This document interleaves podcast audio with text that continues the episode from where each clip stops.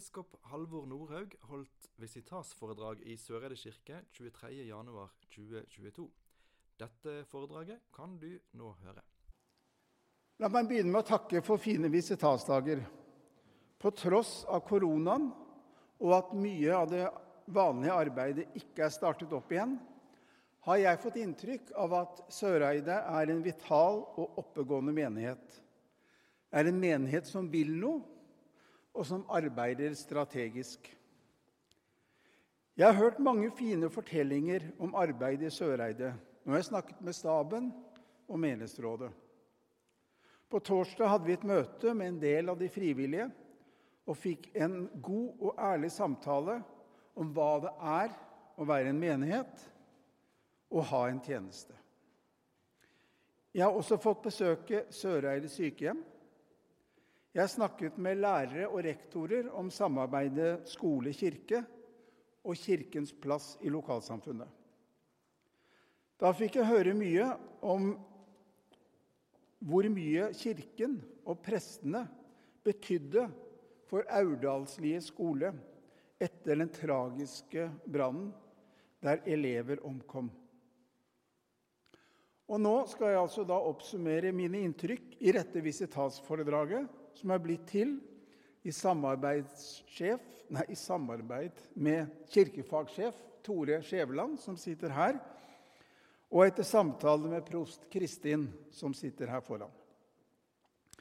Jeg vil konsentrere foredraget om fem viktige punkt som står sentralt i det strategiske arbeidet som menighetsrådet har dratt i gang. Og først barne- og ungdomsarbeidet. Barne- og ungdomsarbeidet og trosopplæringen er helt fundamentalt i menigheten. Og dere har dyktige medarbeidere som gjør en god jobb, og som ser muligheter, også med de begrensningene som koronaen gir. Trosopplæringstilbudene fram til konfirmasjonen har hatt relativt god oppslutning. Smertepunktet er nok særlig tilbudet etter konfirmasjonsalder. Selv om de har hatt en fin konfirmanttid, så mister vi jo kontakten med de fleste etterpå. Vi må derfor være aktive og ha tilbud for å holde kontakten med konfirmantene ved like. De siste årene har det vært vanskelig å drive ledertreningskurs, såkalt MILK-kurs, og særlig når leirene må avlyses. Men den type lederkurs er veldig viktige. Og jeg vil utfordre dere til å samarbeide med andre menigheter for å få til større grupper. Det går godt an å ha felles samlinger og felles ledertrening, og så la ungdommene ha praksis i sin egen menighet.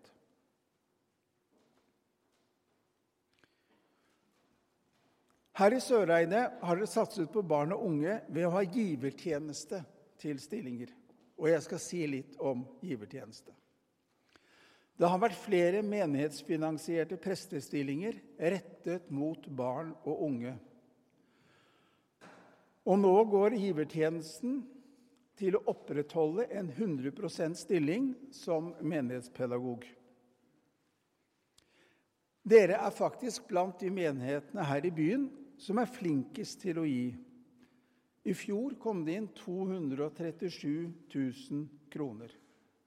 Men jeg tror ikke dere har nådd taket. Og nå skal jeg si noe som ikke står i manus. Hadde dette vært en pinsevenn, eh, pinsemenighet, så kunne vi lagt til en null til på det beløpet som dere samler inn. En av grunnene til at dere har vært flinke til å gi, er at formålet har vært konkret. Det er mye lettere å motivere folk når de kan se både personen og det arbeidet som de bidrar til gjennom givertjenesten. Vær derfor tydelig på at denne tjenesten betyr stillinger, og inviter enda flere til å bidra. Og så er det viktig at dere prester tør å forkynne fram givergleden. Det er kanskje ikke det morsomste temaet å snakke om, dette med penger, men det er helt nødvendig. I vår kirke har vi vært altfor blyge til å be om penger. Men vi må innse at vi klarer ikke det vi vil, dersom vi bare skal klare oss med den offentlige støtten fra stat og kommune. I kirker over hele verden er jo ellers det normale at det er menighetsmedlemmenes bidrag som finansierer arbeidet. Og der har vi noe å lære. Vi må øve oss til å snakke offensivt om penger. For som noen har sagt med en spissformulering du slipper ikke Jesus inn i hjertet før du slipper han inn i lommeboka.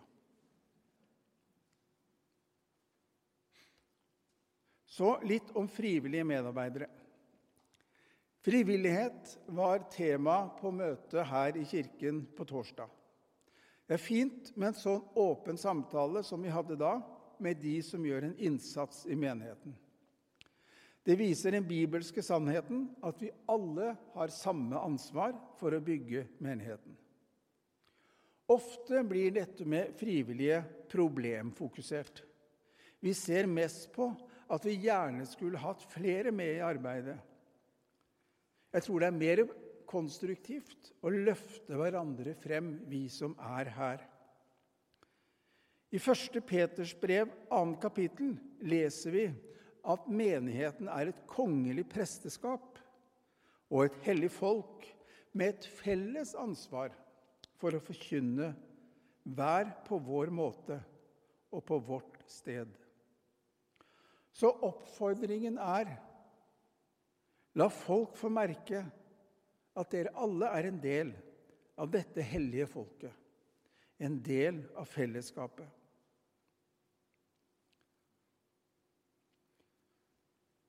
Vi er mennesker med ulike gaver som er gitt av Gud. Inviter folk inn i fellesskapet og spør hva har de lyst til å gjøre. Hva kan de bidra med? Bruk kirkekaffen ikke bare til å samles med kjente, men også til å se dem som kommer. Hvis vi vil ha flere frivillige, må vi invitere til fellesskap. Vi må ta vare på dem. Og noen trenger også opplæring og oppfølging underveis. Og Da er vi inne på en sak som jeg vet det blir snakket en del om, ikke bare her, men i flere menigheter i Bergen, nemlig frivillighetskoordinator. Det har vært en stilling som hadde dette som en del av sitt ansvarsområde tidligere. Men den stillingen er der ikke lenger. Dere må likevel tenke igjennom hvordan dere skal ta vare på og følge opp de frivillige. Fordi den utfordringen består, og den er jo veldig viktig for det strategiske arbeidet. Er dette med oppfølging av frivillige en oppgave som kanskje én eller flere frivillige kan få ansvaret for? Eller må det være en del av en stilling i staben? Selv om selvfølgelig staben har et ansvar fordi de møter folk, f.eks. For foreldre til barn og konfirmanter, og kan utfordre dem til å bli med, så er dette et felles ansvar for alle i menigheten. Det er viktig at man snakker sammen om rekruttering og oppfølging av frivillige, og gjør det på en gjennomtenkt måte. Her kan det nye frivillighetsheftet fra bispedømmet være en god ressurs og hjelp til å komme i gang. Så litt om diakoni. Jeg har fått inntrykk av at Søreide har vært og er en diakonal menighet. Helt fra tiden før kirken ble bygd, har menighetsmedlemmer tatt initiativ og funnet den diakonale utfordringen i sin tid. Det har ført til at det diakonale arbeidet har vært i forandring og i utvikling. Slik skal det være, og dette er en flott tradisjon i Søreide. At nye mennesker ser og tar tak i de diakonale utfordringene som de ser. Det har ført til et godt diakonalt arbeid som blir drevet av diakonatet og av andre. Og Det igjen har ført til besøkstjeneste, til blomsterhilsen til jubilanter, strikking av barneluer til Nepal, Hjerteromkafeen, babysang, familiemiddag og kirkekaffe som fungerer diakonalt ved at nye kan finne et fellesskap. I lys av denne gode diakonale tradisjonen må vi spørre hva er dagens diakonale utfordring? Og hvordan tar vi som menighet tak i den? Da kommer selvfølgelig helt naturlig spørsmålet om en diakon opp. Og jeg har jo hørt noen sukk underveis her hvor dere har pekt på andre og nærliggende menigheter som har en diakon. Og hvorfor har ikke vi? I bydelen er det utfordringer for ungdom som kaller på ungdomsdiakoni. I tillegg kan en diakon utløse frivillig innsats. Det synes jeg menighetsrådet skal snakke om, og gjerne sammen med BKF som har klart å få mange diakonstillinger til bymenighetene. Altså Det går an å snakke med Bergen kommune, og dette byrådet har forpliktet seg på å gi flere diakonstillinger. For å få fart i dette arbeidet og samtidig ta tak i de utfordringene som går utover det arbeidet diakonatet driver i dag, tror jeg også det er klokt å opprette et eget diakoniutvalg. Et slikt utvalg vil også få oppgaven med å oppdatere menighetens diakoniplan. Og så mitt, mitt, femte og siste punkt, som er det viktigste, for det handler om gudstjenesten.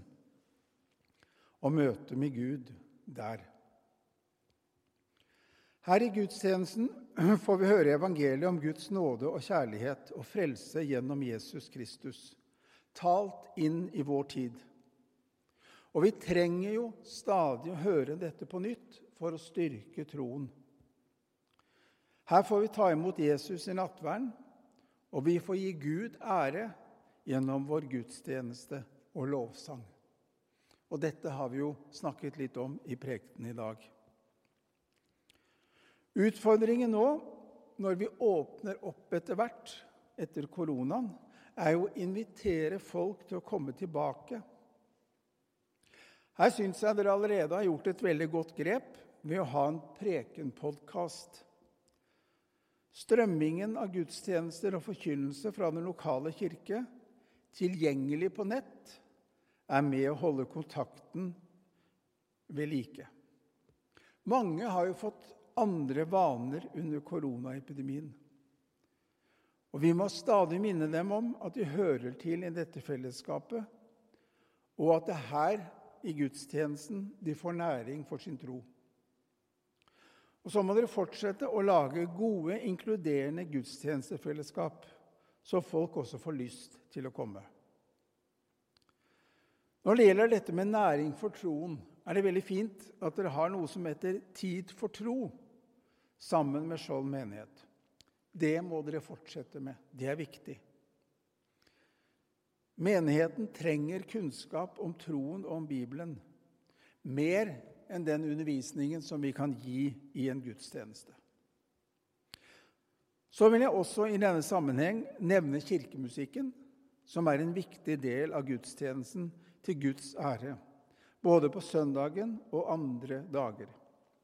Jeg vil berømme alle som gjennom konserter og de mange korene som er knyttet til menigheten, gir gode kirkeopplevelser og sprer glede og lovsang til Gud.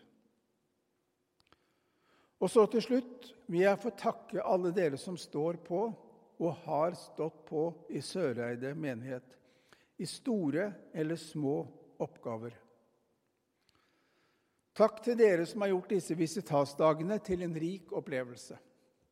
Takk til prestene, menighetsrådet og staben for en informativ og velskrevet visitasmelding og for god forberedelse og tilrettelegging. Det jobbes jo i det hele tatt godt her i Søreide. Takk mest av alt fordi dere står på i tjenesten, selv om det absolutt kan kjennes tungt nå når tidene har vært og fortsatt er så vanskelig som de er.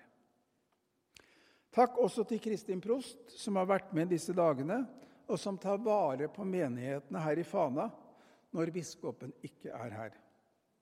Hun er jo min utstrakte arm. Husk på det.